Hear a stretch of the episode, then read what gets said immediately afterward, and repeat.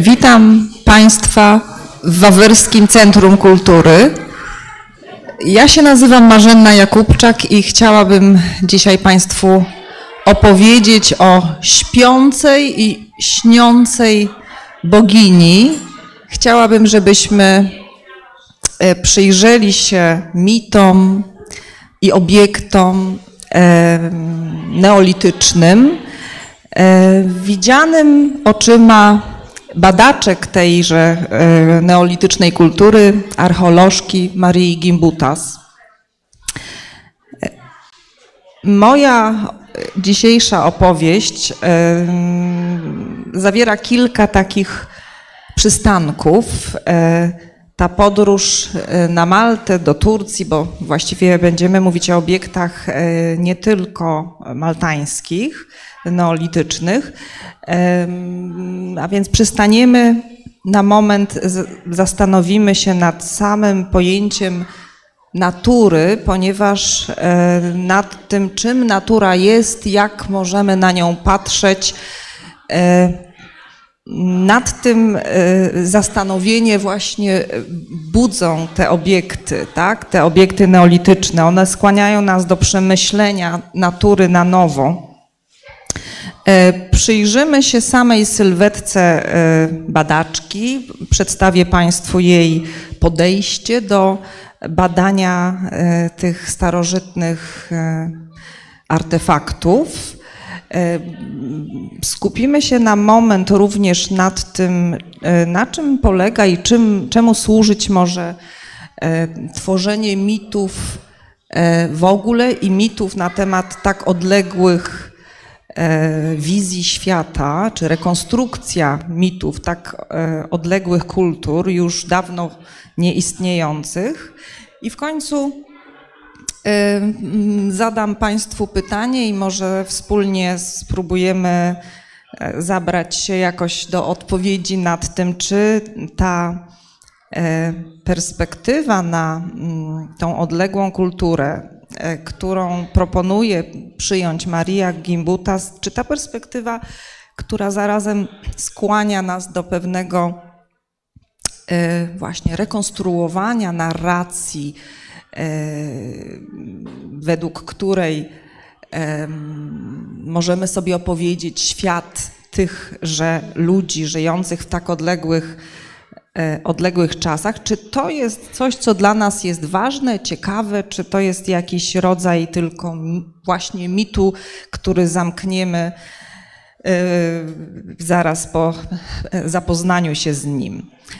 E, o naturze zatem. Zacznijmy tu na moment e, taki namysł. Co to właściwie jest ta natura? E, jeżeli takie rzucam tutaj przed Państwem pytanie, to oczywiście w pierwszym momencie możemy pomyśleć zielona trawa, suche jesienne liście, może rzeka, może wiatr, ale możemy też przenieść się na trochę inny poziom i zobaczyć cały glob. Może e, ten glob będzie się gdzieś poruszał w jakiejś przestrzeni. Możemy jeszcze dalej się odsunąć i zastanowić się, czy, e, czy może w ogóle jakiś kosmos to jest ta natura, że dopiero tam będzie e, koniec, kres tego, co myślimy, jeżeli mamy to słowo w ustach. Możemy z kolei zupełnie inaczej do tego pytania podejść, możemy pomyśleć, no co, natura to jest to, co żyje. Te rośliny, które tam sobie rosną, czasem trzeba je podlewać, ale może też naturą jest y, góra, skała, coś, co nie żyje, tak? Więc możemy zmieniać te perspektywy i za każdym razem zastanawiać się, czym ta natura w gruncie rzeczy, w istocie jest. Czy jest tylko właśnie tą materią, w którą coś z zewnątrz tchnęło życie, czy też jest czymś, co samo ma w sobie jakąś wewnętrzną siłę, moc. Możemy błąkać się w, w, w, tych różnych wyobrażeniach i żeby jakoś sobie coś wyklarować, oczy, oczywiście możemy sięgnąć do już istniejących skrótów czy odpowiedzi. Oferują te odpowiedzi oczywiście różni myśliciele. Tutaj E, proponuje takie e, ujęcie, które Baruch Spinoza swego czasu e, rozpropagował, natura naturans, natura naturata, czyli to rozróżnienie na tą naturę, która wydaje z siebie nowe przejawy, czyli żyje i tworzy, i tę naturę, która jest tylko wytworem, czyli jest e, rzeczą, jest, jest produktem jakiegoś procesu. To jest e, ta dwoistość, która w tym e, pojęciu natury się gdzieś zawiera i możemy nacisk na jedno lub drugie rozumienie położyć. Oczywiście z tego, co będziemy ostatecznie skłonni wybrać, wyniknie sposób rozumienia w ogóle tego procesu zmian, które, które nazywamy właśnie naturalnymi zmianami, albo przyjrzymy się im pod kątem ewolucji, ewolucji, która ma w sobie e, już jakiś e, jakiś wewnętrzny napęd, czyli będziemy skłonni albo opowiedzieć się za taką wizją ewolucyjną natury, albo przystaniemy na rozwiązanie, które wiele religii nam proponuje, czyli że był jakiś punkt zero, kiedy natury jeszcze nie było i e, twórczy akt e, Boga, który naturą nie jest, ale naturę stworzył, daje jej początek. E, to jest, to jest inna, prawda, perspektywa, więc możemy te dwie perspektywy również oczywiście próbować łączyć, to znaczy założyć, że ten punkt zerowy był, ale może potem jakaś ewolucja już, już e, zaczęła się toczyć. Takiego zdania był choćby święty Augustyn. E, z tych różnych naszych odpowiedzi może wyniknąć może wyniknąć pewna wizja czasu również. Możemy sobie czas więc wyobrażać jako coś właśnie, co się gdzieś zaczyna w tym punkcie zero, w punkcie stworzenia. Wtedy będziemy skłonni przyjąć, że jest jakiś progres, jakaś linia rozwoju, która, która zmierzy do jakiejś kulminacji, ale możemy też stanąć na takim stanowisku, że właściwie ta samo e, stwarzająca się natura, ewoluująca sama z siebie, właściwie mm, wytwarza i pozwala na e, degradację tego, co wytworzyła, czyli obraca się e, po takim kole, w cyklu. Dlaczego ja Państwu tutaj te różne wizje tak przytaczam w tym momencie. To jest takie przygotowanie trochę do tego, co będzie nam potrzebne, żeby spojrzeć na różne artefakty, które badała Gimbutas. Ale jeszcze zanim do tego dojdziemy, to warto e, zwrócić też uwagę, że sama nazwa e, czysto gramatycznie, natura w różnych językach, czy grecki termin fizis, czy sanskrycki prakriti, to zawsze jest rodzajnik żeński. To są takie tylko tropy. Um, oczywiście e, trzeba tutaj e, tak wyraźnie sobie powiedzieć, że czym natura jest dla danego społeczeństwa, dla danej kultury, oczywiście wynika z mnóstwa założeń religijnych, filozoficznych, które już są jakby częścią światopoglądu, czyli widzenie natury jest zawsze przez pryzmat e, jakiegoś systemu wartości uwarunkowane. No i e, w, tym, w tej opowieści, którą dzisiaj Państwu tutaj zaproponuję, gdzieś te e, e, elementy mm, mityczne i elementy naukowe będą się, będą się splatać. Przechodzimy już do, mm, do warsztatu, warsztatu naukowego badaczki, która nam starała się przybliżyć te fascynujące artefakty, choćby takie jak ten, który Państwo widzicie obok mnie, śpiąca i śniąca bogini. Do badania tych artefaktów zabrała się Maria Gimbutas w czasie, kiedy ożywał, można powiedzieć, w, w Stanach Zjednoczonych, w Europie, ożywał na nowo archetyp wielkiej bogini, wielkiej matki. Pojawiły się wtedy różne nowe obiekty wykopane z podziemi, które poddano badaniu i co więcej, gotowe już od XIX wieku wykorzystywane rozmaite teorie,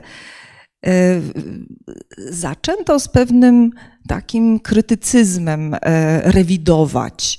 Czyli pewne widzenie starych kultur zaczęto kwestionować. Między innymi właśnie dlatego, że pojawiły się nowe znaleziska, które nie zupełnie pasowały do tych starych teorii.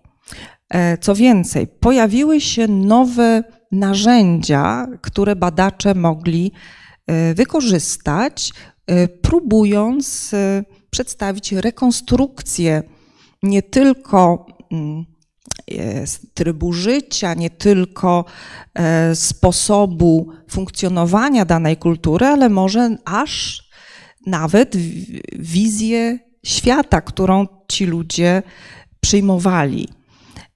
I ta nowa platforma, którą tutaj nazwiemy archeomitologią, jest właśnie taką próbą łączenia różnych dyscyplin wiedzy po to, aby stworzyć bardziej kompletny, taki wielostronny, wieloaspektowy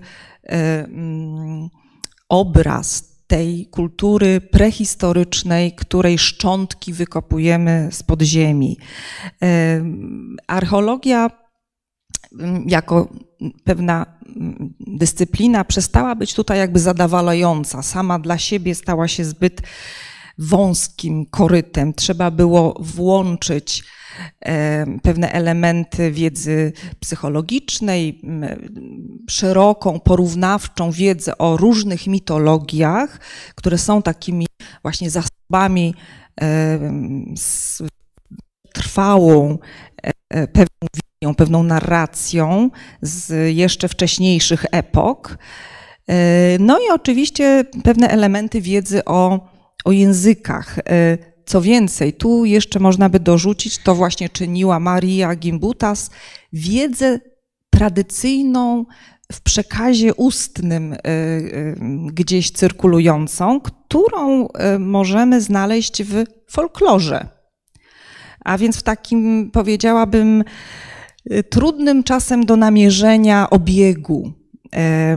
No i w latach właśnie od, od lat 60., poczynając te nowe obiekty, nowo e, e, odkryte stanowiska archeologiczne zaczęto poddawać właśnie takiej e, trochę odświeżonej refleksji do badaczy właśnie takich odważnych, biorących biorących się za mm, rewizję tych dotychczasowych teorii należała na pewno Maria Gimbutas.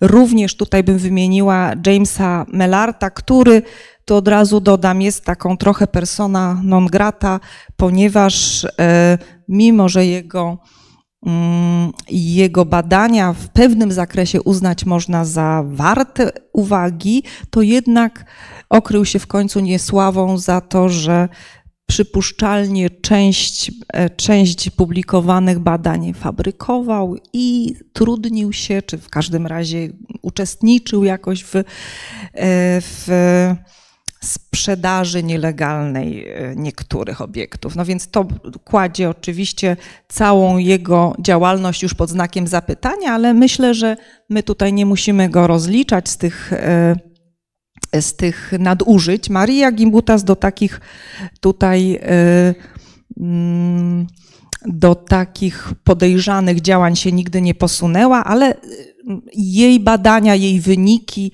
gdzieś zestawiane są z wynikami badań Melarta i, i przez to czasem, że na nim spoczywa zła sława, również kwestionowane są jej odkrycia czy jej ustalenia.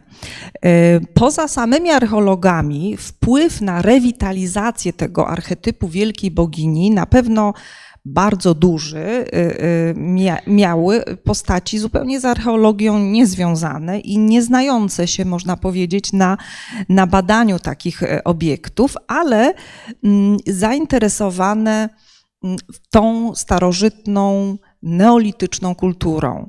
E, I mam tu na myśli artystów. Między innymi taką artystką bardzo e, mm, wpływową była Merlin Stone, e, autorka książki, która wielkie nakłady w Stanach Zjednoczonych osiągnęła, kiedy Bóg był kobietą. To była książka rzeczywiście czytana bardzo, mm, bardzo chętnie w latach 70. Również do tego ożywiania mitu wielkiej bogini przyczyniały się takie postaci jak e, e, psycholożka Naomi Goldenberg, która e, ukuła wręcz taki neologizm teologia, czyli nauka, wiedza o bogini, tak żeby wyraźnie zdystansować się od tradycyjnego dyskursu teo E, logii e, i wprowadzać właśnie taką wiedzę o, o kulcie mm, matki do na przykład terapii terapii, zwłaszcza osób, kobiet straumatyzowanych, które przez długie lata czasem cierpiały w związkach poniżane czy poddane jakiejś opresji i to poczucie bardzo obniżone własnej wartości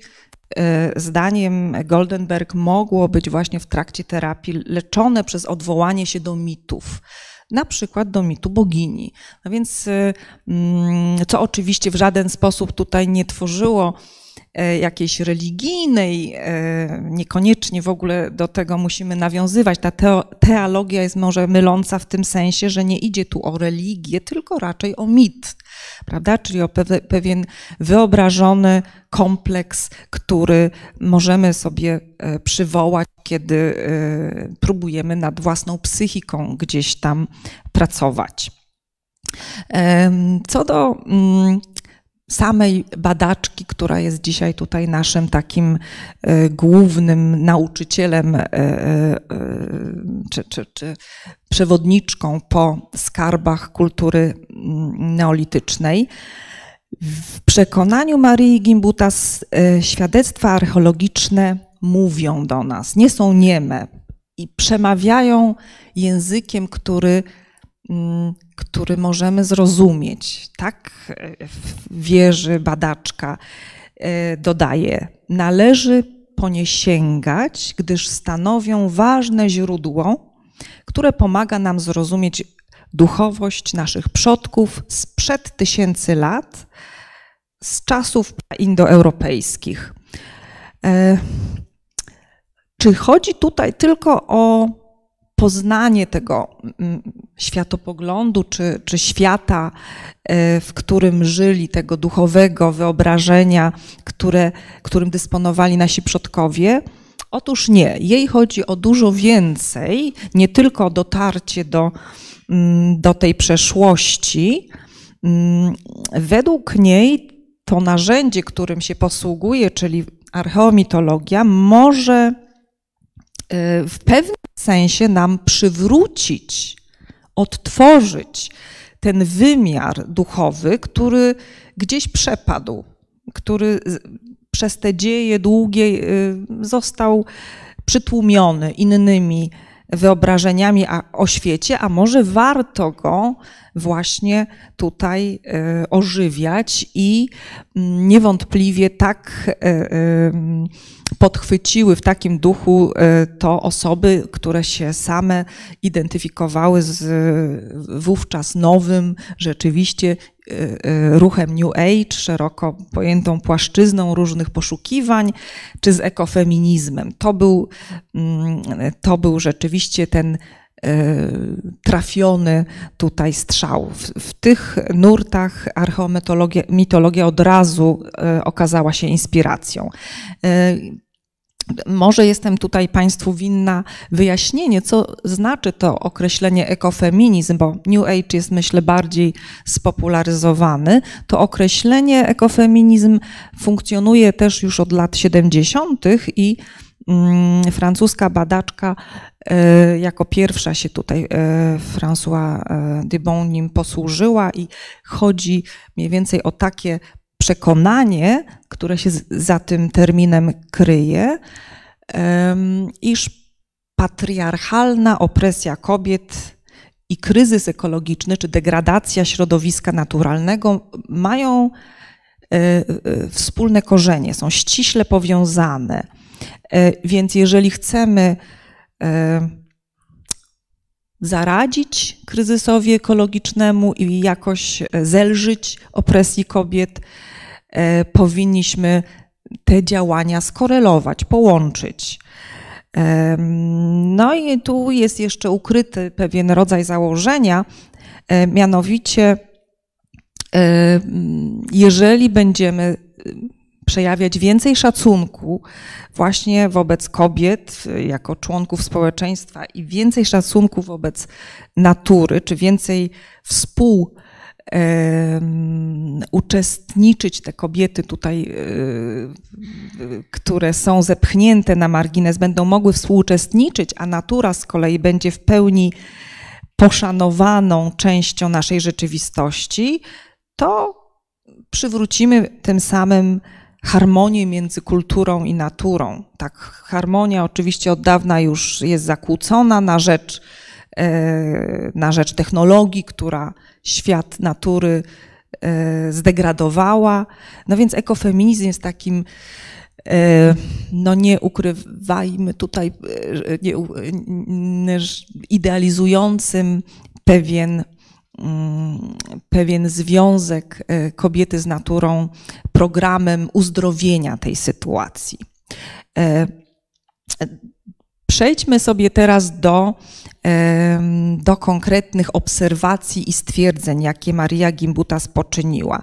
To jest, może warto o tym wspomnieć, badaczka określana jako badaczka amerykańska, bo w Stanach Zjednoczonych, w, w Kalifornii swoje badania prowadziła w latach 70., 80., ale pochodziła z Litwy i na Litwie wykształciła się do poziomu powiedzmy magistra, więc ma e, doskonałą wiedzę o tradycji, o archeologii właśnie tego regionu, z którego pochodzi. Te jej wczesne badania mm, obiektów neolitycznych, kurhanów e, i stanowisk e, archeologicznych właśnie były czynione w tym rejonie, czyli w rejonie Europy, nazwijmy ją wschodnią i południową. E, to oczywiście nie, nie mam na myśli teraz Litwy, tylko mm, obrzeża powiedzmy Ukrainy, Bułgarii. E, interesowały ją kultury, które mm, rozwijały się między siódmym tysiącleciem a połową czwartego, przed, przed naszą erą. Czyli to jest ten wczesny neolit i, e, i epoka miedzi. E, badała obiekty y, nie tylko, jak powiedziałam, na Litwie, ale też w Bośni, Macedonii, we Włoszech, Grecji, Bułgarii, i na Malcie także, w Turcji. E, I tu jest taka może ważna uwaga. Jej badania publikowane w czasopismach naukowych, e, zanim jeszcze wyemigrowała do Stanów, ale także i później, były przez badaczy zachodnich kwestionowane, między innymi z tego względu, że no, stanowiska te były gdzieś tam za żelazną kurtyną. E, skoro badacze zachodni nie mieli możliwości e, uczestniczyć w takich badaniach, to ich zaufanie do wyników e, przeprowadzonych badań było bardzo bardzo niskie. To znaczy, mówiąc krótko, kwestionowano nawet istnienie tych stanowisk archeologicznych. To jest taki, taki pewien szczegół, o którym warto pamiętać. Więc mm, no, takie krytyczne podejście do Gimbutas już zaznaczało się w odniesieniu do jej wczesnych badań, a te późniejsze tezy oczywiście e, tym bardziej ją na pewną tutaj krytykę, czy wręcz ostracyzm e, w środowisku narażały. Co było jej ambicją? To była ambicja nie typowa dla archeologa, mianowicie starała się odpowiadać na pytania bardziej znacznie uniwersalne niż tylko kto tam żył, co jadł, z kim handlował, Y, jak budował y, swoje domostwo, czy jak lepił garnki. Jej pytania są pytaniami z pogranicza filozofii, antropologii, etyki, teologii. Jakie to są pytania? Na przykład, jakie są korzenie europejskiej kultury? Skąd ona się wywodzi? Albo, czy człowiek jest z natury agresywny? Czy przemoc jest nieodzowna? Czy musimy tworzyć kulturę właśnie z tym ważnym czynnikiem, gdzieś jakby nieodzownie? Czy duch rywalizacji zawsze musi przeważać nad duchem współpracy? Czy one się równoważą? Czy może pewne kultury bardziej premiują współpracę, a inne kultury rywalizację i od czego to zależy? Wreszcie pytanie, czy mężczyźni zawsze dominowali nad kobietami? Mówiąc krótko, to jest pytanie, czy patriarchat jest od zawsze. Wiemy, że mm, większość kultur, jakie my znamy współczesnych, taki właśnie ma e, charakter patriarchalny, tak? No i e, na koniec można by tutaj przytoczyć to pytanie mm, właśnie o tą śpiącą boginię. Czy wyobrażenie boskości żeńskie i uznanie takiej formy boskości za tą y, najważniejszą, jakoś znacząco wpływa na samą kulturę, na to, jak ludzie układają sobie stosunki społeczne. Y, swoje badania i wnioski, które z nich wynikają, takie właśnie pod kątem pytań zadawanych, mm, Gimbuta spublikowała, opublikowała w kilku książkach. Jej pierwsza e, monografia, e, wydana w 1974 roku, właściwie nie miała tego tytułu, jaki teraz e, jest wyświetlony, ponieważ to jest wznowienie E, wydawca postanowił wbrew woli autorki zmienić tytuł, ponieważ ten tytuł, jaki widzicie, The Goddesses and Gods of Europe, czyli boginie i bogowie Europy, wydał się nie do przyjęcia wydawcy. E, zmienił ten tytuł na e, Bogowie i boginie Europy. Czyli kolejność ma znaczenie. E, I jak powiadam, e, stało się to wbrew e, woli samej autorki, ale to już pokazuje tą grę jakby pewnych znaczeń, prawda? No więc poza, poza tą książką opublikowała również bardzo ważną książkę, w której opisuje język tej kultury bogini, czyli stara się odkodować pewne znaki, znaki graficzne, które Mm, stara się wpleść w pewną narrację, y, którą, jak sądzi, możemy zrekonstruować na podstawie tych obiektów. Czyli możemy opowiedzieć, y, jak widziano świat oczyma no właśnie ludzi tej kultury, tej epoki. Wreszcie cywilizacja bogini i żywa czy żyjąca, e, żyjące boginie. E, jak te boginie się prezentowały, czy bogini jako, e, jako pewien motyw? Oczywiście warto o tym tutaj wyraźnie sobie powiedzieć, że figurki wielkiej bogini, czy bogini matki, ja wymiennie tutaj stosuję te dwa określenia, chociaż one tak mają swoje jakby specyficzne też konteksty. Te, te, obiekty znajdujemy w bardzo wielu miejscach. Wykopaliska w różnych miejscach Europy dostarczają nam przykładów bardzo obficie wyposażonej w przymioty kobiecości, spokojnej i płodnej matki. Czasem mówi się, że jest to panie dzikich zwierząt. Widzicie Państwo na tym e, wizerunku z prawej strony ten spokojny e, dotyk dłoni, który no właśnie jest na jakichś e, pewnie dzikich, dużych kotach, tak? Więc te ręce spoczywają, wyraźnie panuje ta bogini nad energią tych dzikich zwierząt. Jak się przedstawia Mm, ten wizerunek starej Europy, bo właśnie takim określeniem e, posługuje się Gimbutas i to do niej jakby e, należy mm, właśnie to autorstwo po raz pierwszy tego, tego określenia. Odnosi się tutaj oczywiście do kultury, która, jak Państwo tutaj widzicie, między gdzieś połową siódmego a połową czwartego tysiąclecia przed naszą erą się pięknie na terenie Europy rozwijała. I w rekonstrukcji Gimbutas e, przedstawia się ta kultura jako e, rolnicza, dobrze prosperująca, stabilna, bardzo pokojowa e, i dodaje badaczka kochająca piękno, kultura o tradycji matryfokalnej, która czci różne postaci bogini. I tu może e, małe wyjaśnienie, co to znaczy, że jest pokojowa, skąd ona to wie. No więc na takie, taki przymiotnik e, zasługuje sobie kultura, w której e, w pozostałościach jakby której osadach nie znaleziono broni. Prawda? No jak nie znaleziono broni, czyli broni nie potrzebowano, nie używano. No więc wniosek jest, jest e, taki, że była to e, pokojowa kultura. Dlaczego mówi Gimbutas, że kochała piękno?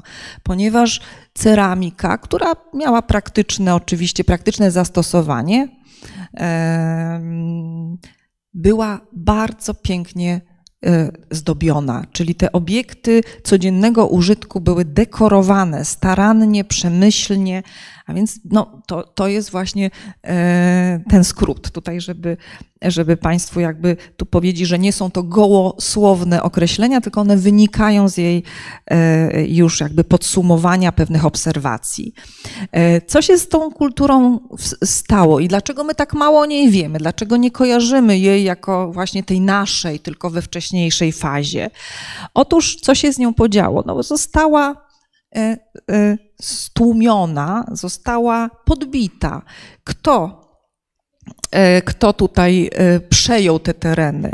Otóż były to ludy nomadyczne, które trafiły na te tereny Europy Południowej i Wschodniej, później przenikły dalej, gdzieś ze stepów e, z południowej, wschodniej Ukrainy. To jest ten sam rejon, gdzieś okolice Morza Kaspijskiego, skąd wywodziły się ludy, które z kolei podbiły również Indie, to tak na marginesie, i tam przyniosły język e, indo, praindoeuropejski, z którego później wziął się sanskryt, hindi i tak dalej.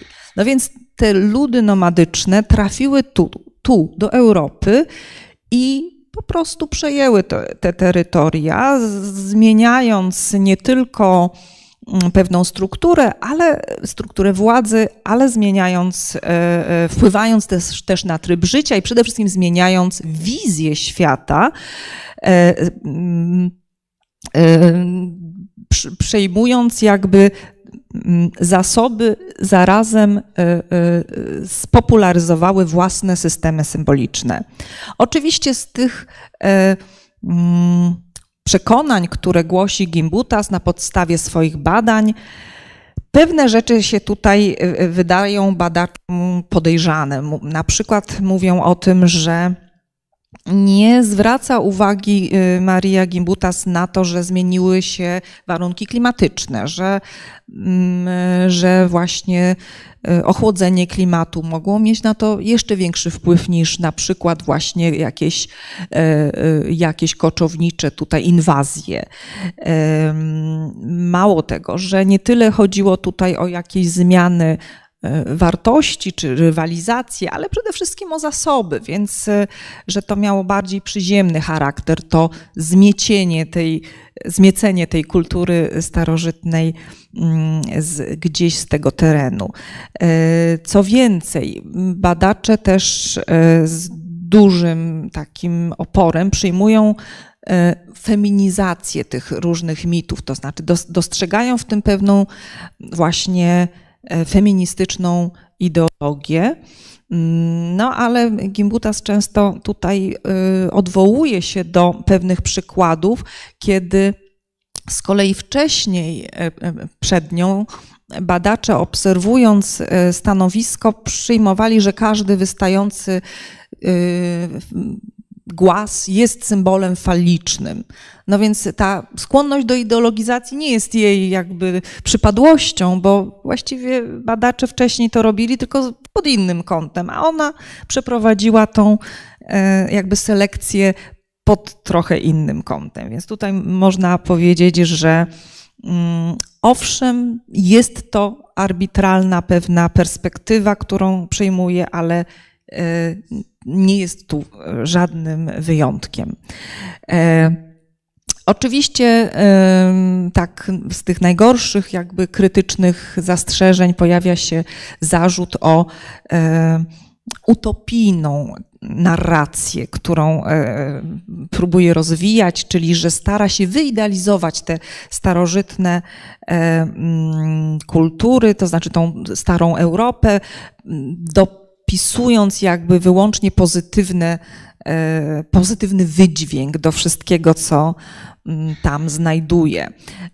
Gdzie tak naprawdę lokowała się ta kultura starej Europy? Tutaj Państwo na mapce możecie mniej więcej sobie ten zasięg wpływów kultury e, starej Europy zaobserwować.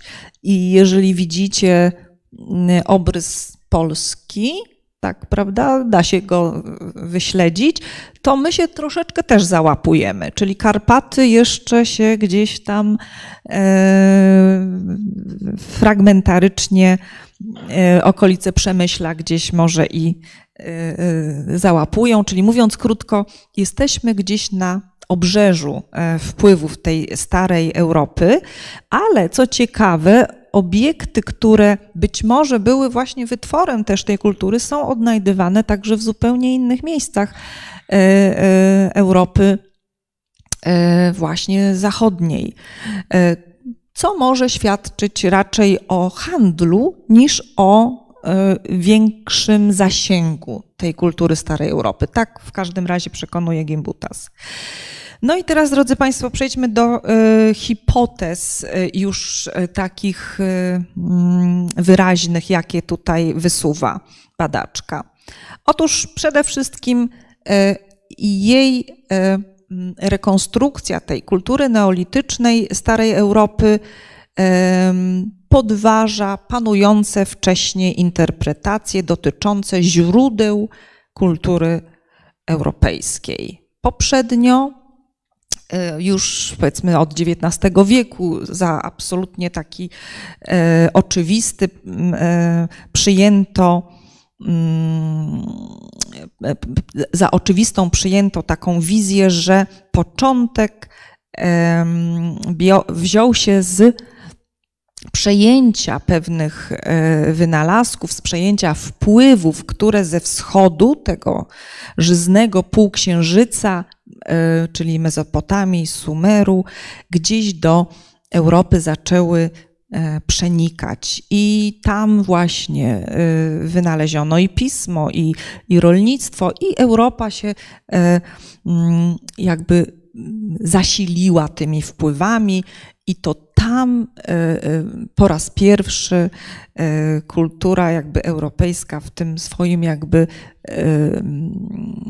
takim pierwotnym wymiarze zaczęła kiełkować, tak można by to określić. Gimbutas uznaje, że ta hipoteza jest bardzo słaba do udowodnienia. W jej przekonaniu e, znaleziska, na których ona swoje badania prowadziła, przed chwilą Państwu pokazałam gdzie, e, wskazują na to, że zupełnie inna formacja, właśnie ta formacja południowo-wschodniej Europy i Anatolii, była bezpośrednio tą właśnie poprzednią warstwą wysoko rozwiniętej agrarnej kultury, z której Europa po prostu e, czerpie swoje korzenie. Czyli ona pokazuje zupełnie jakby skąd inąd my wywodzimy się jako mm, spadkobiercy e, e, kulturowi. I co więcej, tutaj dodaję, że E, ważnym czynnikiem, który stabilizował tę kulturę starej Europy, były wierzenia tych ludów, wierzenia, które sprawiały, że e, ta właśnie taka e, stabilność, pewna perspektywa współpracy, bardzo takiej e, egalitarnej e, współpracy, no właśnie gwarantowała dobry rozwój przez bardzo długi czas. Bo tu nie możemy jeszcze zapominać, że e, kultury, o jakich ona mówi, miały jakby jeszcze swoje korzenie, prawda? Czyli w sumie te kultury Wielkiej Matki to jest jakieś 20 tysięcy lat tak to można sobie liczyć, prawda? Oczywiście ten fragment, który, e, który my możemy zrekonstruować, no to dlatego tak e, się e, nam udaje zrekonstruować, bo zachowały się materialne obiekty. No ale z tych poprzednich epok już się za wiele nie zachowało. Jakie to obiekty pozwalają nam snuć te narracje, snuć tę historię, być może utopijną o naszych pra, pra, pra przodkach? Y, no właśnie, to zamiłowanie do piękna. Tutaj Państwo widzicie, że obiekty o takim praktycznym zastosowaniu były starannie dekorowane, antropomorfizowane, zoomorfizowane, czyli upodabniane do ludzi, do zwierząt. Z taką czułością i pieczołowitością e, nadawano im te kształty, chociaż w sumie zupełnie praktycznie to było bezużyteczne, niepotrzebne, a może nawet gorzej się to myło, prawda? E, niemniej, no jakieś ważne powody kazały ludziom te obiekty tak dekorować. Co więcej, warto o tym też wiedzieć, że mieli już umiejętności technologiczne, że potrafili e, całkiem mm, nieźle wytapiać złoto. Co więcej, takie wizerunki, jakie tutaj znajdujemy tej siedzącej albo leżącej bogini, wskazują na na afirmację właśnie tych cech, które e, najwyraźniej stawiano na, na piedestale, czyli spokój, równowaga, e, właśnie ta płodność. No i mm, co do naszej bohaterki śpiącej i śniącej, to myślę, że warto się na moment przy tym zatrzymać, że mm, boskość wyobrażona jako pasywna, jako E, nieobserwująca, czy nieczujna, nie karząca, nie pilnująca wszystkiego, tylko właśnie bezpieczna, sama jakby w pełni e, wyciszona, no jest e, w pewnym sensie czymś, co wymyka się takim naszym wyobrażeniom boskości, prawda? Boskości jako siły, jako, jako E, sprawiedliwości, która musi czuwać, żeby, żeby wymierzać sprawiedliwość, e, to, to wiedza musi być. Więc ta bogini, która przymyka oczy, tak jakby e, nie czuwa nad, nad, nad tym, co wokół niej w taki sposób, jak, mm, jak bogowie w męskich mitologiach, takich, w których właśnie panteon zawsze gdzieś jest podporządkowany sile prawda? To ciało bogini, ciało e, obfite i płodne, e, nie tylko jest wizerunkiem samo w sobie, ale staje się pewną matrycą, według której budowane jest miejsce kultu, takie choćby jak świątynia, e, e, maltańska świątynia na Gozo, e, gdzie możemy dopatrzyć się analogii między właśnie obrysem bogini jako tej płodnej i spokojnej, stabilnej matki, i, i po prostu poszczególnymi e, e, komnatami, e, które wymagają od tego, kto wkracza w, w ten obszar sakralny, przeciśnięcia się przez wąski korytarz, który jak nic przywodzi nam na myśl drogi rodne, ciasne, mroczne, więc żeby wejść do świątyni trzeba było się przez taki wąski korytarz przedrzeć, można powiedzieć. Ten kult, i tu próbuję właśnie do tej e, psychologicznej perspektywy się e, Gimbutas odwołać, e, uczestniczenie w tym kulcie wymagało właściwie czegoś, co jest jak gdyby powrotem do łona, prawda? Czyli uczestniczenie w, w, w praktykach religijnych było, było wracaniem do, do, do tego miejsca, z którego się wywodzimy. W, z ciekawych e, jeszcze elementów tej wyobraźni neolitycznej warto wspomnieć o e, przekonaniu, że czas się nawarstwia, a biegnie koliście. E, I o tym, że to inkorporowanie, wchłanianie życia i śmierci jakby w ten cykl na równi ważnych, na równi sobie jakby służących, i ten wzrost i, i, i obumieranie są równie ważne i równie potrzebne. I ta akceptacja śmierci do tego stopnia e, e, w mentalności ludów enolitycznych musiała być zakorzeniona, że nie mieli żadnego oporu, aby swoich przodków chować w swoich domach pod powierzchnią podłogi. Kiedy kolejne pokolenia e, umierały, kolejne pokolenia chowano pod kolejną podłogą. I archeolodzy, dokopując się do, do tych obiektów, e, no właśnie ze zdumieniem widzieli, że cmentarzyska piętrzyły się warstwowo pod domostwami e, ludzi, którzy je no, zamieszkiwali po prostu. A więc ten e, motyw e, e, akceptacji śmierci e, no, wskazuje na to, że ona nie mogła być czymś dla tych ludzi strasznym. Oni musieli jakoś mieć e, to swoje mityczne wyjaśnienie, które pozwalało im w pełni E, e, akceptować tą e, właśnie obecność ciał przodków pod, pod podłogą. Prawda? To myślę jest dla, dla nas współczesnych dosyć taki zaskakujący obraz. Prawda?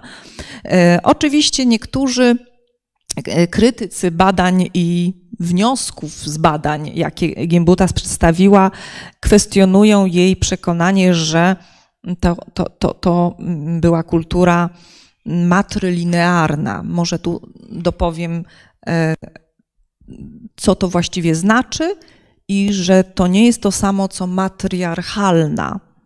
E, określenie matriarchat e, ukute zostało w XIX wieku i służyło przede wszystkim, żeby pokazać ewolucję kultur i wskazywało na to, że we wczesnym okresie rozwoju kultur to kobiety dzierżyły władzę, którą to władzą się posługiwały oczywiście źle, nieumiejętnie i szczęśliwie. Kolejne wyższe fazy rozwoju ludzkości sprawiły, że tą epokę mamy już mroku, mamy już za sobą. Patriarchat jest przezwyciężeniem mroków matriarchatu, więc po, po to to pojęcie ukuto, żeby, mm, żeby pokazać pewien progres, rozwój. To, o czym mówi Gimbutas e, na temat na temat kultur neolitycznych y, w żaden sposób nie wskazuje na istnienie takiego właśnie matriarchatu w, w kulturach czczących wielką boginię. Raczej y, mowa jest o tym, że mm, te cechy skojarzone z kobiecością, właśnie jak spokój, płodność i tak dalej, są cechami przez tę kulturę Y, y, wysoko stawianymi. A więc to jest właśnie ta współpraca raczej niż rywalizacja, to jest raczej opieka i troska niż, y, niż przemoc.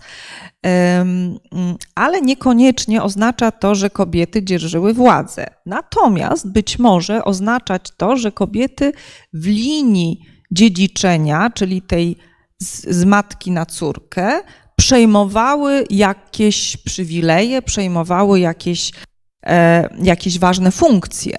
I na tym właśnie mogła polegać właśnie ta matrylinearność. Natomiast e, w przekonaniu Gimbutas raczej podejrzewać e, należy, że ta kultura miała egalitarny charakter bardziej niż była jakby przez te kobiety, matrony jakoś y, y, w ich władaniu pozostawała.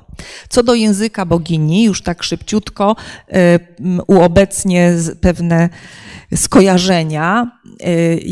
Z boginią powinna nam się kojarzyć jej oczywiście mm, obfita cielesność, która wskazuje właśnie na to, że jest płodna, prawda? No ale także wszelkie znaki, które symbolizują wodę, e, e, są też takim sygnałem płodności. Motywy e, spiralne, meandry, fale, zygzaki to są właśnie te, te motywy, które mówią o E, o płodności, ale pojawiają się też e, zwierzęta, takie jak ropucha, żaba, byk, świnia, jeż, niedźwiedź, czy bardziej dosłowne elementy kobiecej anatomii, takie jak piersi, a nawet o zgrozo srom, który też jest obrazowany zupełnie tak swobodnie z symboliką bogini na równi jak płodność kojarzona jest też jej śmiercionośność, czyli to jest właśnie to akceptowanie śmierci jako drugiej strony medalu. I tu pojawiają się podobne motywy, ale e, zdublowane, czyli już zdwojenie spirali daje nam właśnie to, e, jakby ten sygnał, że E, że jest coś więcej niż tylko życie. Są też zwierzęce sygnały, takie jak kruk, kukułka, sowa czy sęp. Myślę, że mamy nawet dziś takie skojarzenia niepokoju z tymi, z tymi zwierzętami, z tymi ptakami. Co do potrójnej spirali, E, to jest z kolei wejście w tą moc bogini, czyli w zdolność do regeneracji, do spontanicznego przemieniania życia w śmierć i śmierci w życie. No i e, za symbole właśnie tego aspektu bogini na pewno można uznać e, jajo, drodzy Państwo, jajo, motyla, poczwarkę, ale mm, także pojawiają się odniesienia do księżyca i do faz y, księżycowych czy, czy, czy stron świata, jako właśnie pewnego obiegu, obrotu.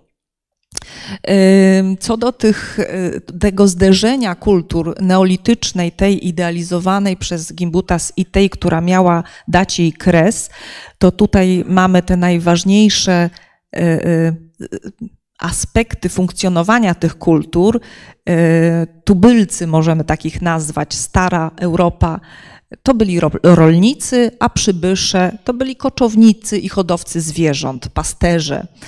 E, mm, ci pierwsi tworzyli duże e, osady, budowali właśnie tak megalityczne obiekty, więc stałe, dobre do, dla archeologów, można je odkopać z podziemi. Natomiast ci nomadzi no, ze skóry albo broń jakąś, prawda, która najczęściej nie przetrwała, chyba że umierał ktoś znaczący i wtedy budowano mu kurhan.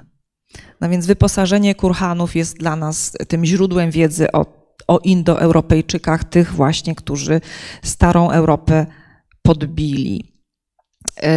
Możemy też bardzo ciekawą obserwację kontrastującą odnieść, to znaczy znaleźć jakby ciekawe obserwacje w związku z pochówkami. I pochówki ludzi starej Europy są zadziwiająco podobne do siebie, to znaczy chowano i kobiety, i mężczyzn z podobnym wyposażeniem, podczas gdy Indoeuropejczycy właściwie ze splendorem chowali tylko swoich przywódców, e, czyli mężczyźni, którzy najpewniej byli jakimiś wodzami czy e, dowódcami, i to im należne były te największe hołdy. I na koniec zapoznajmy się z tymi jeszcze obiektami. Tu Państwo widzicie dwojoną spiralę, no i tą, która jest najbardziej taka y, szczególna, bo kompletnie jakby oddająca ten wymiar, y, y, wymiar bogini, która ze spokojem przyjmuje i życie, i śmierć, bo ma moc, do, ma moc regeneracji. No i mm, podsumowując, chciałabym zwrócić uwagę, że mimo e, rozlicznych zastrzeżeń i krytyki, z którą spotkała się Gimbuta za życia i tuż po, po jej śmierci jeszcze też atakowano różne jej mm, tezy, to jednak upływ czasu sprawił, że mm, no, pewne jej najważniejsze właściwie hipotezy znalazły potwierdzenie. I 10 e, lat temu, czy 11, 12, powstała właśnie ta wystawa, w której uczestniczyli archeolodzy, e, nawet ci, którzy ją krytykowali wcześniej, i można powiedzieć, że jest to taka trochę e, rehabilitacja, ponieważ samo pojęcie starej Europy, przeszło już do podręczników, czyli ta jej hipoteza zna, znajduje już akceptację, nie jest kwestionowanym terminem. To jest fakt, jakby już potwierdzony. I co więcej, właśnie ta e, e, mityczna, wielka matka jest też pewnym punktem odniesienia, który dla tej e, wystawy był ważnym uzupełnieniem. Czyli mimo, że oczywiście z tych skojarzeń takich ekofeministycznych tutaj obecnie już by badacze rezygnowali, to same te najważniejsze ustalenia właściwie okazały się no, powszechnie przyjęte, to znaczy zostały powszechnie e, e, w końcu zaakceptowane. Bez tej otoczki, bez tej może wymowy. I tu taki mały test na koniec dla, dla Państwa. Jeżeli ktoś z naszej kultury e, e, trafia gdzieś na stanowisku archeologicznym na taki obiekt, to pierwsze skojarzenie, jakie Państwu przychodzi do głowy, co właściwie tutaj widzicie?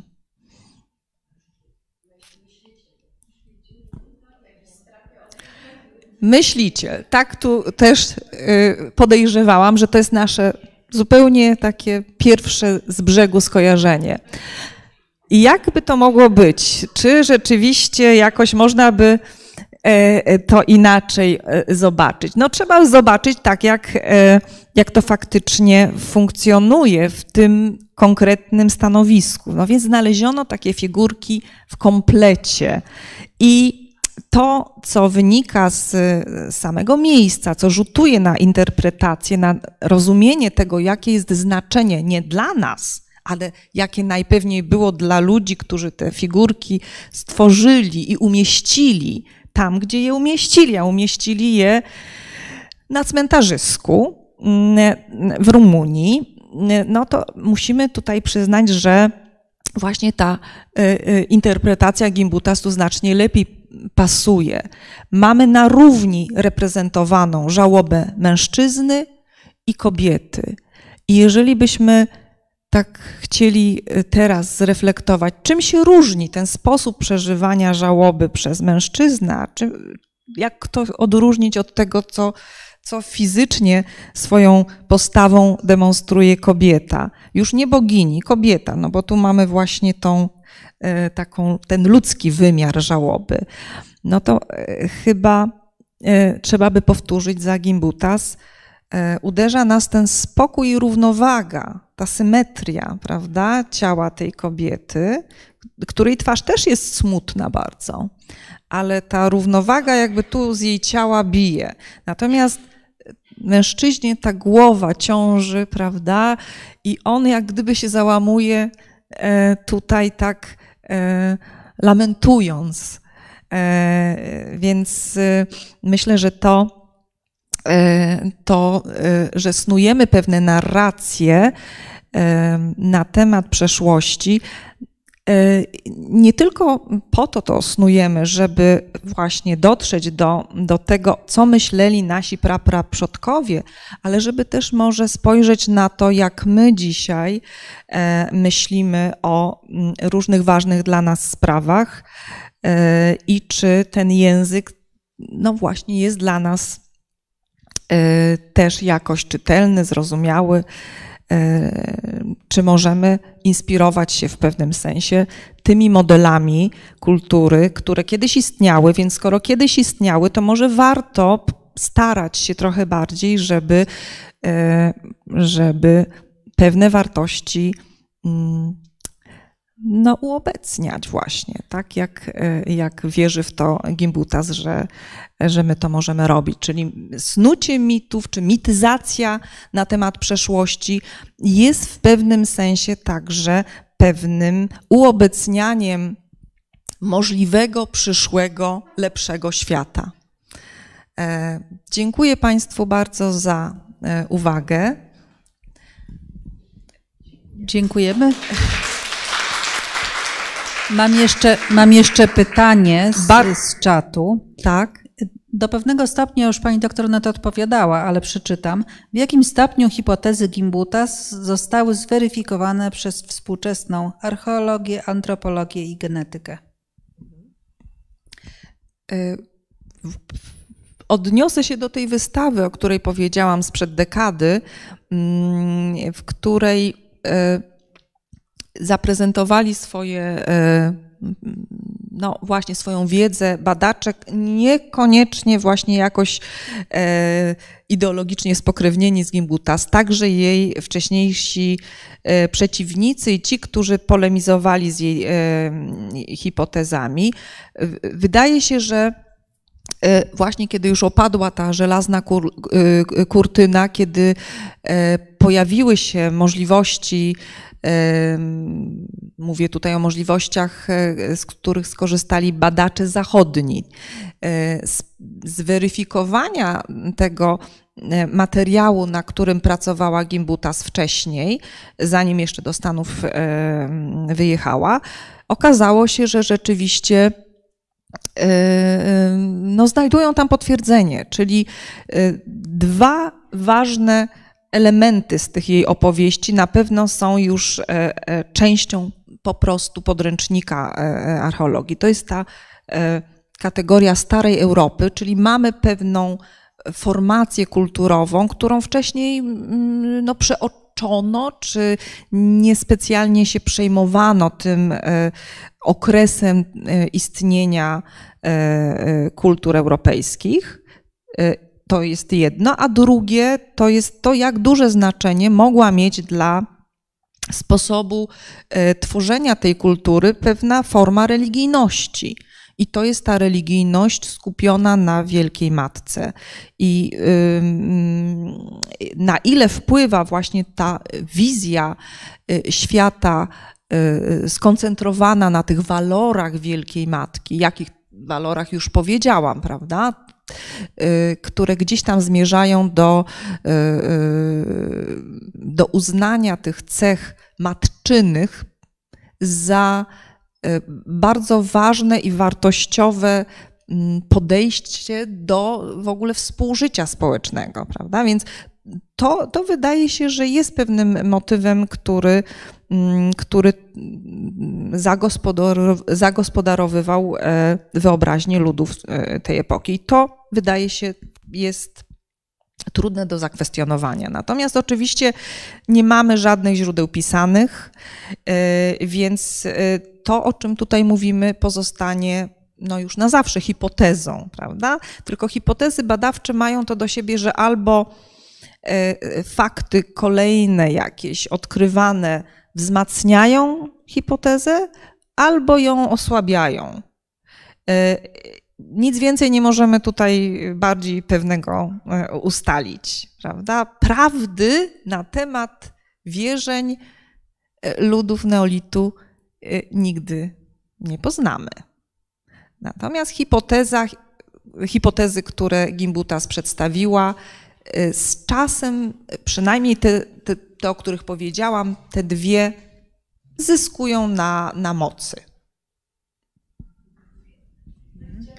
Chciałam zapytać, czy y, Maria Gimbutas usunęła jakąś hipotezę odnośnie y, form tego kultu Wielkiej Matki? Czy z tych wykopalisk można było było wywnioskować, w jaki sposób właśnie składano ofiary, proszono i jak w ogóle odróżniano te znalezione figurki, po czym można poznać, że jest to właśnie oba, o, prawdopodobnie oba boginia, a bogini, prawda, obraz, e, rzeźba tej bogini, a nie tak jak tutaj patrzę, a nie jest to, nie jest to po prostu no, przejaw sztuki rzeźbiarskiej, prawda? Że e, ktoś chciał właśnie wyrzeźbić, miał potrzebę wyrzeźbienia właśnie takich figurek, jak podobnie jak namalowania czy ozdobienia tej ceramiki, prawda? I tu już musimy się zdać na e, uważność e, archeologa, tak? W, jakim, w jakiej lokalizacji jest dany artefakt, e, jaki układ obiektów jest wokół, prawda? To jest coś, co może nas naprowadzić na znaczenie, na rangę to, tego obiektu, nie sam wygląd, ponieważ pamiętajmy, figurki Wielkiej Matki, te, które były wytwarzane 10 tysięcy, 20 tysięcy lat przed naszą erą, choćby znana wszystkim Wenus z Willendorfu, tak zwana, prawda, tam znaleziono y, tą figurkę, to były y, przenośne boginie, y, mobilne boginie, malutkie obiekty. E, czyli no, były dostosowane do trybu życia tych ludzi, którzy zmieniali w zależności od e, dostępności zasobów prawda, naturalnych, zmieniali swoją lokalizację. E, I dlatego obiekty sakralne ze sobą musieli nosić. Prawda? Zmiana trybu życia na agrarny, czyli na stale, jakby stały pobyt w jakimś, na jakimś obszarze pozwolił ludziom na budowanie większych obiektów, więc, więc sam fakt e, jakby wielkości jeszcze nam e, jednoznacznie nie przesądza. Układ, e, w którym ten obiekt się znajduje, układ Y, może nam znacznie więcej powiedzieć. Y, jeżeli chodzi o kult, y, formę kultu, jak tutaj pani o to zapytała, mo, możemy też taką hipotezę, to właśnie czyni Gimbutas, zaproponować, analizując budowę właśnie tych świątyń maltańskich, zaraz do nich sobie wrócimy, e, tak żeby mieć je przed sobą. I jeżeli Państwo widzicie ten fragment na samym dole, to jest właśnie korytarz, długi, wąski korytarz. Wiemy o nim, że był e, na tyle długi, że był całkowicie mroczny, nie było tam e, światła.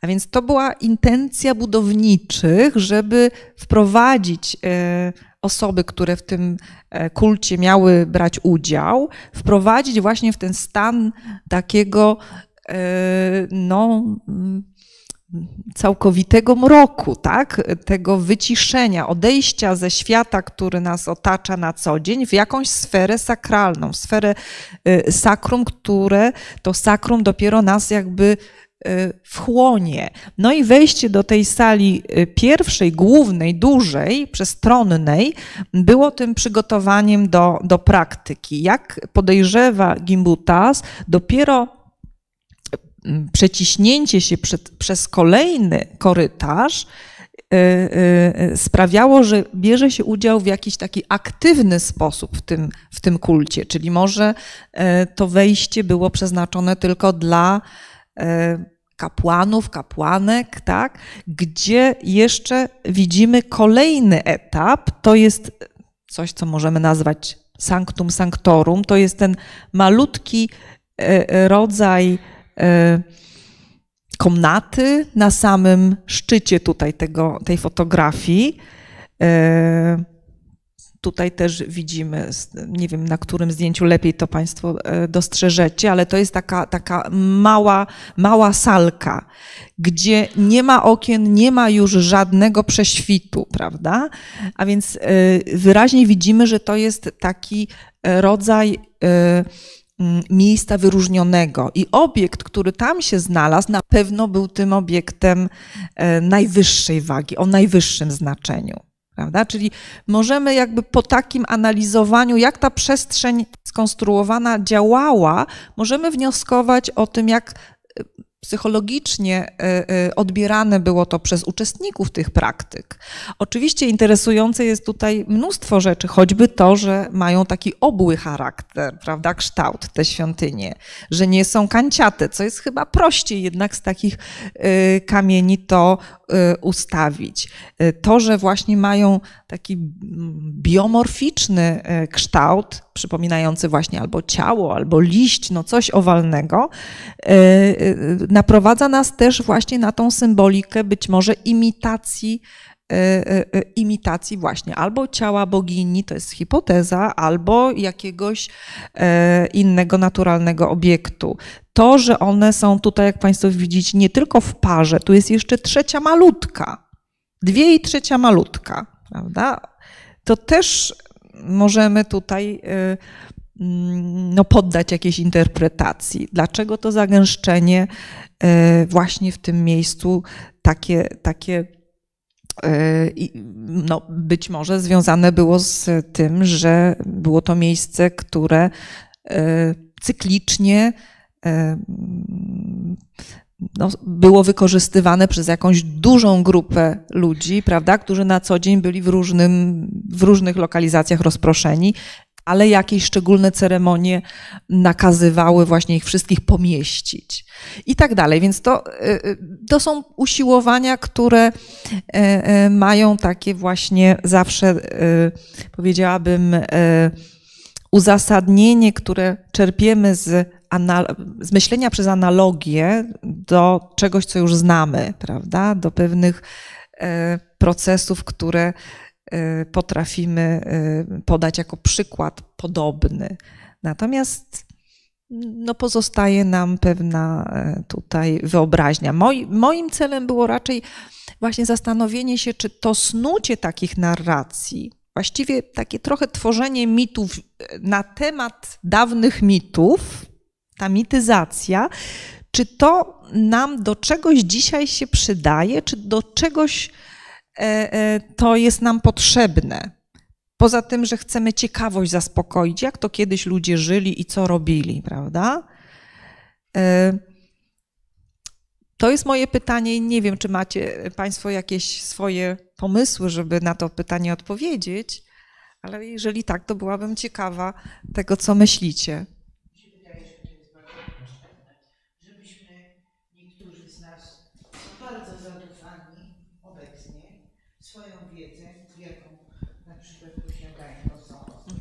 Wyedukowane i mi się wydaje, że są, jesteśmy zbyt zadufani w stosunku do tego, co ileś tysięcy lat było temu. I warto to wiedzieć i poznać, prawda? Że, że, że tutaj nie jest tak, że kiedyś to Nic prymitywna wiedza tak. o świecie, a my teraz mamy technologię tak, jesteśmy i już jesteśmy bardzo mądrzy. Takie tak? jest moje zdanie. Dziękuję. Czyli, czyli tak by pani myślała, że właściwie ten postęp to niekoniecznie w naszym rozumieniu świata się i w rozumieniu natury się przejawia, tylko. Dziękuję. Bardzo serdecznie dziękujemy za wykład i zapraszamy do rozmów teraz kuluarowych. Dziękujemy. Dziękuję bardzo.